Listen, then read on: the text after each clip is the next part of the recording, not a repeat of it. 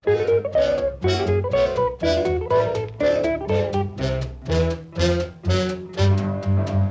it's a good day for singing a song, and it's a good day. Halo semuanya, masih kembali lagi di uh, IELTS Ngobrol. Ini adalah podcast kedua kita. Kembali lagi sama aku Dio dan Aku Rendra.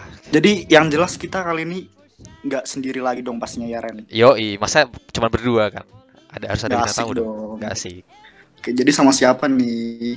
Kita Jadi- eh, hari ini sama Kak Sherina. Halo Kak Sherina. Ya, halo. Waduh, Kak Syarina ini adalah salah satu mahasiswa yang berprestasi gitu ya, yang di lingkup UB itu. Ya, makasih, makasih. Betul sih. Apa kabar nih Kak Syarina? Oh iya, baik-baik aku. Gimana kalau kalian? Baik, baik. Alhamdulillah baik, baik. Kesibukannya apa aja nih Kak sekarang nih? Eh kalau sekarang sih kesibukannya lagi ini sih P4. Tapi kan P4-nya udah selesai, jadi lagi bikin laporan doang sih. Sama persiapan kuliah. Bentar lagi kan kita mau kuliah soalnya. Asik. Hari Senin ya. oke. Hari Senin kita Iya, udah betul. mulai kuliah. Eh tapi Dio, bentar. Sebelum mulai kita ada segmen baru nih, namanya Oh iya, apa tuh? Samyang atau Salam Sayang dari teman-teman pebasis semuanya. Boleh Jadi dibacain sini. Oke, jadi kita bakal bacain pesan-pesan yang udah kita siap, yang udah kita siapin sebelumnya di question box di Kenya IELTS. Banyak banget nih yang masuk. Tapi mungkin kita nggak nggak bisa nih bacain semuanya soalnya durasi juga gitu kan. Yoi, bener banget. Oke. Pertama, salam samyang buat teman-teman dan dosen-dosen berbasis. Semoga sehat selalu. Amin. Amin. Makasih. Makasih loh yang ngirim salamnya. Samyang buat kamu anak pebasis yang lagi tak pikirin sekarang. Waduh, siapa tuh? Waduh, siapa tuh? Siapa itu? Terus Bisa aja di sendernya. Eh, terus Dio. Untuk mau basis 2020 jangan lupa ikat pinggangnya dan pastinya juga jangan lupa dong semangat dan peralatan semuanya buat menyambut perkuliahan nanti gitu. Duh, ikat, Oke, bagus. ikat pinggangnya disenggol dong. Mentang-mentang viral. Buat kamu yang sedang berjuang semangat. Oke, makasih loh. Aku aku lagi berjuang soalnya. Terus nah nih buat semua semua teman-teman maba UB semangat jangan kasih kendor fighting bagus tuh Oke, fight ini- mabanya Ini buat banget. buat maba nih ya berarti. Hmm, bener-bener Katanya hari ini ada ini mereka ada simulasi rabrau ya. oh ya tadi ada simulasi rabrau gitu Samyang buat yang lagi ngejalanin magang, semoga dilancarkan sampai yudisium. Tuh, buat yang magang tuh. Amin, Amin. Semoga lancar. Ya, semoga lancar lah ya. Sayang buat Kak Isti. Jangan galau terus ya, tetap semangat. Kalau butuh cerita, aku menerimamu kok. Hehehe. Itu Kak Isti. Semangat Kak Isti. Semangat Kak Dengerin Isti, tuh. dengerin tuh. Dari rahasia dong, sendernya rahasia. Iya. Ini kalau ada apa-apa, Kak Isti cerita aja ke temennya gitu. Temen deketnya atau siapa. Iya, teman dekatnya sih ini. Harusnya Kak Isti peka sih. Kalau nggak peka sih, Hmm. ah, parah sih. Terus ini ada dari rahasia juga. Semoga COVID segera berakhir. Kita bisa kuliah Amin, offline. amin. Amin. Itu yang Amin, ditunggu-tunggu, bener banget. Kuliah offline. Parah, kangen banget kuliah. Oke, mungkin Oke, udah ya. itu aja ya cukup ya. Ya, Oke. kalau dibacain semua besok ini kelarnya. Ngomong-ngomong kuliah online nih, buat Kasyarina nih, aku mau tanya. Persiapannya Iya, iya. udah apa aja sih yang dipersiapin sejauh ini? Kan mengingatkan eh, kuliah online ini kan bakal sangat panjang gitu kan dari Hmm, sebelumnya, betul, betul. nggak tahu sampai kapan kan. Iya, Dan betul, juga betul. mungkin kalau tahun kemarin apa ya kayak terkesan mendadak gitu. Kalau tahun ini kan Hmm. mungkin lebih matang dipersiapkan dari dari universitasnya mungkin si UB-nya juga lebih matang nyiapin segala-galanya dari Kasyarina tuh apa yang dipersiapin? Oke, kalau dari aku pribadi sih, eh, kan kita udah pernah ya kemarin online class yang tiba-tiba Hmm. banget emang Iya, iya. kayak emang urgent sih. Cuman eh, bedanya yang dulu itu karena kita nggak datang, kita nggak mempersiapkan apa pun. Jadi selama belajar online itu kita pasti face lots of challenges. Jadi kayak kita nggak ngerti platformnya itu seperti apa, kita nggak bisa follow up dengan schedule yang ada diberikan oleh dosen dan semacamnya kayak gitu. Jadi eh, untuk saya secara pribadi, kalau untuk persiapan kuliah online itu tuh seperti persiapan saya biasanya kuliah pada umumnya. Jadi seperti persiapannya itu sama saja seperti persiapan kuliah kita biasanya. Yang berbeda kan cuman uh, jaraknya dan kita juga tidak hadir secara fisik ya di kelas. Jadi kayak di rumah sendiri masing-masing. Uh, yang paling pertama yang paling penting itu adalah men-set schedule kalian atau mengorganisasikan jadwal pelajar jadwal kuliah kalian ke depannya kan sudah ada di KRS kalian sebelumnya, kalian sudah KRS-an, sudah dapat jadwalnya, itu dicatat, ditulis, terus dicek juga sama kalender akademik dari UB yang official, kira-kira tuh kalian bisa memprediksikan UTS itu kapan, UAS itu kapan, agar bisa lebih uh, apa ya, lebih siap saat tiba-tiba ada perubahan jadwal ke depannya. Kalian udah tahu nih jadwal kalian ini tuh misalnya hari Senin bakal ada pelajaran apa dan apa. Jadi kalau nanti tiba-tiba guru atau dosen kalian minta pergantian jadwal, kalian bisa lebih cepat nyari jadwal kosong kayak gitu sih menurut aku.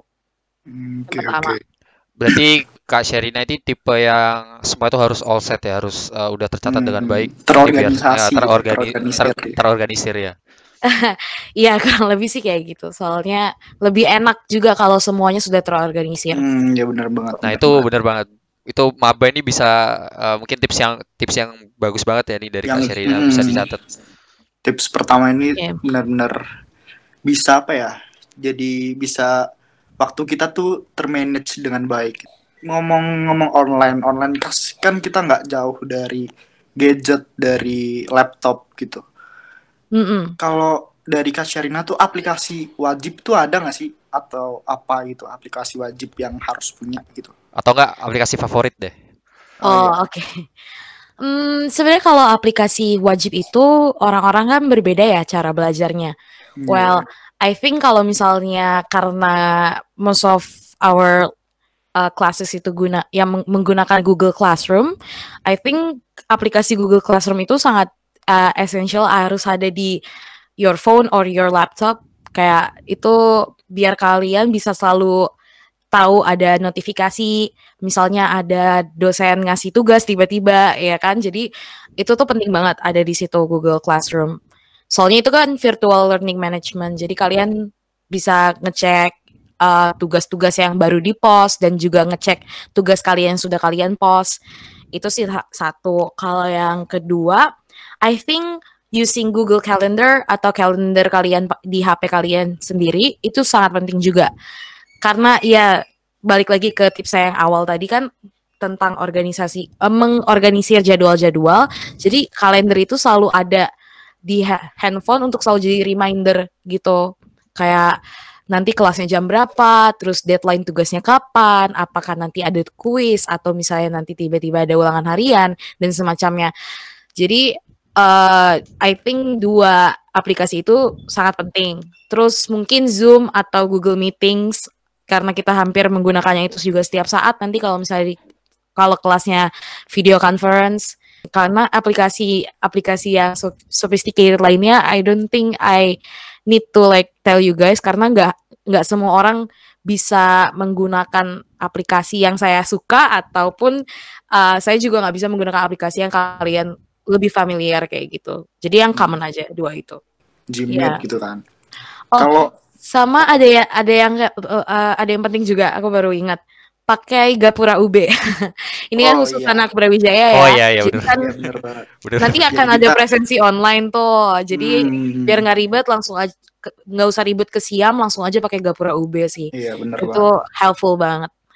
Nah itu tuh anak UB masih banyak yang belum punya Gapura itu. Iya, iya, iya. Bisa jadi. Pada pakai siam mulu gitu kan. Atau juga kalau mungkin nggak nggak punya apa tadi namanya? Uh, Google Calendar mungkin juga bisa pakai alarm juga bisa. Soalnya dulu hmm. soalnya kan kita kan online kelas ini kan jadi lebih sering lupa gitu kan. Iya betul betul. Iya bener, bener. Kita ada ada mungkin kita ketiduran, mungkin kita asik nonton film atau apa atau disuruh ngapain itu kan bisa kelupaan gitu kan. Netflix ya, Netflix and chill-nya keterusan. iya. iya. Dari yang semester kemarin kan yang awal kita kuliah online um, kendala terbesar yang Kak Sherina temuin tuh di mana sih Kak? ataukah di inter- di internet kayak kuota atau wifi? Kalau di saya kebetulan karena punya wifi jadi agak untung ya internetnya nggak terlalu berat. Cuman eh ya namanya kalau misalnya nanti tiba-tiba mati lampu itu sih susah banget. Jadi memang kuota internet itu juga sangat penting ya ada di handphone at- atau di ya pokoknya punya lah kuota internet itu kayak emergency internet semacam kayak gitu. Selain itu kesulitan utamanya tuh adalah study space sih menurut saya. Eh karena kadang kalau cuman kalau di kamar nanti bawaannya ngantuk, tapi kalau misalnya saya di ruang ruang belajar ah, ya kan di rumah saya ada ruang belajar gitu, kadang kan ada adik saya juga yang belajar, terus jadi Oke. berisik Iya kayak berisik. gitu kan. Heeh, karena kan dia belajarnya bagaimana, saya juga belajarnya pakai apa kayak gitu kan jadi berisik. Kalau apalagi kalau di ruang makan kayak di ruang tamu juga itu juga berisik banget. Jadi study space itu juga sangat jadi tantangan sih. Soalnya cepat bosan juga kan kita kalau cuma di kamar doang, kadangnya ujung-ujungnya tidur kayak Iya, gitu. Iya kalau di kamar masalahnya kendalanya kan lihat kasur jadi pengen tidur bawaannya. Mm-mm, betul Bah. banget. Terus kalau di rumah itu sebenarnya banyak hal-hal yang ngedistract itu kan. Kayak Iya, entah kayak- itu dipanggil orang tua, digangguin sama ade atau segala suara motor. Itu iya, kan iya. susah banget buat kita konsentrasi gitu kan. Betul sih. Eh tapi kemarin mm, kalau masalah yang seperti itu kayak dipanggil tiba-tiba atau misalnya berisik kayak gitu, eh saya sih ada cara kayak selalu notifikasikan eh, keluarga kalau kalian sedang belajar. Misalnya Mhm. kalian punya kelas jam 9 pagi, dari jam 8 pagi sudah dikasih tahu eh, misalnya ke orang tua ya, ke mama papa atau ke kakakmu atau ke adikmu juga sekalian Jangan diganggu ya, saya lagi belajar dari jam 9 sampai jam 12. Nanti kalau sudah saya selesai belajar, saya langsung keluar gitu. Jadi jangan dipanggil-panggil, malu nanti dosennya denger, bilang Iya. aja gitu. Ah, ah.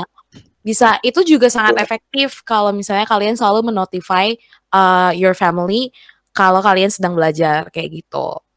Jadi Hmm. benar-benar diban- benar-benar nggak akan diganggu kayak gitu. Berarti eh, ini ya komunikasi itu juga termasuk sesuatu yang challenging juga kan kayak komunikasi Betul, sama keluarga gitu. betul Hmm. betul. Kalau kita berkaca dari apa ya, dari semester lalu gitu. Kuliah online ini kan malah banyak orang-orang yang stres, orang-orang yang malah kayak tertekan gitu-gitu kan. Karena Mm-mm.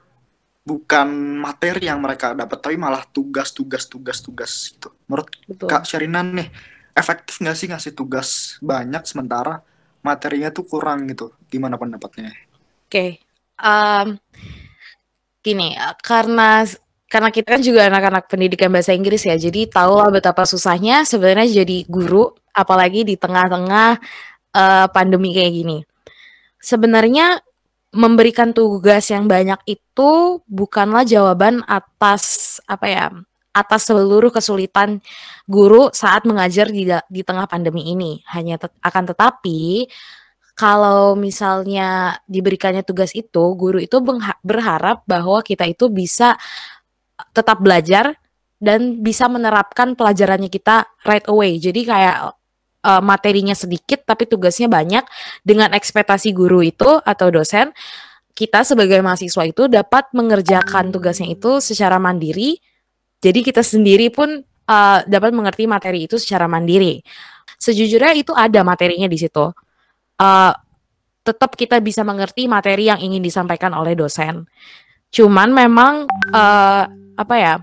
Kita dulu dahulunya kan sebelum online classes kan jarang ya tugas apalagi jurusan kita.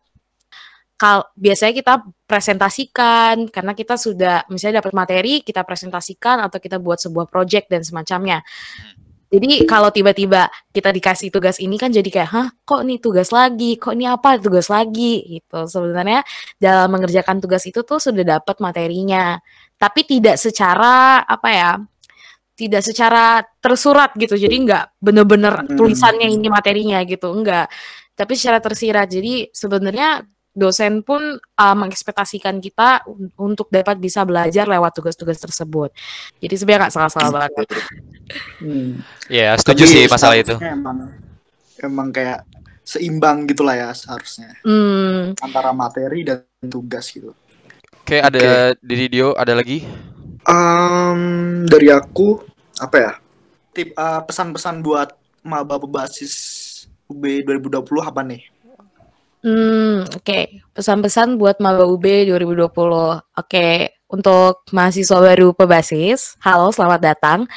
Eh, saya harap ke depannya mahasiswa pebasis 2020 bisa mengikuti pelajaran di sorry, bisa mengikuti kuliah di pebasis UB 20 pebasis UB dengan baik walaupun memang kalian tidak bisa melihat teman-teman kalian secara langsung atau misalnya dosen kalian serta juga kakak kakak tingkat uh, kalian di uh, UB memang itu sesuatu yang sangat disayangkan. But I think if you guys uh still want to learn in these courses I hope that you can learn the best out of the best because all of the lecture in English education is the best. I know myself kayak every semua dosen yang ada di pebasis itu baik banget. Jadi I hope you ga, you guys can also get those kind of uh, lectures yang mungkin uh, memang berbedanya hanyalah ini cuman online ya. Jadi nggak ada tuh kualitasnya menurun kok kita.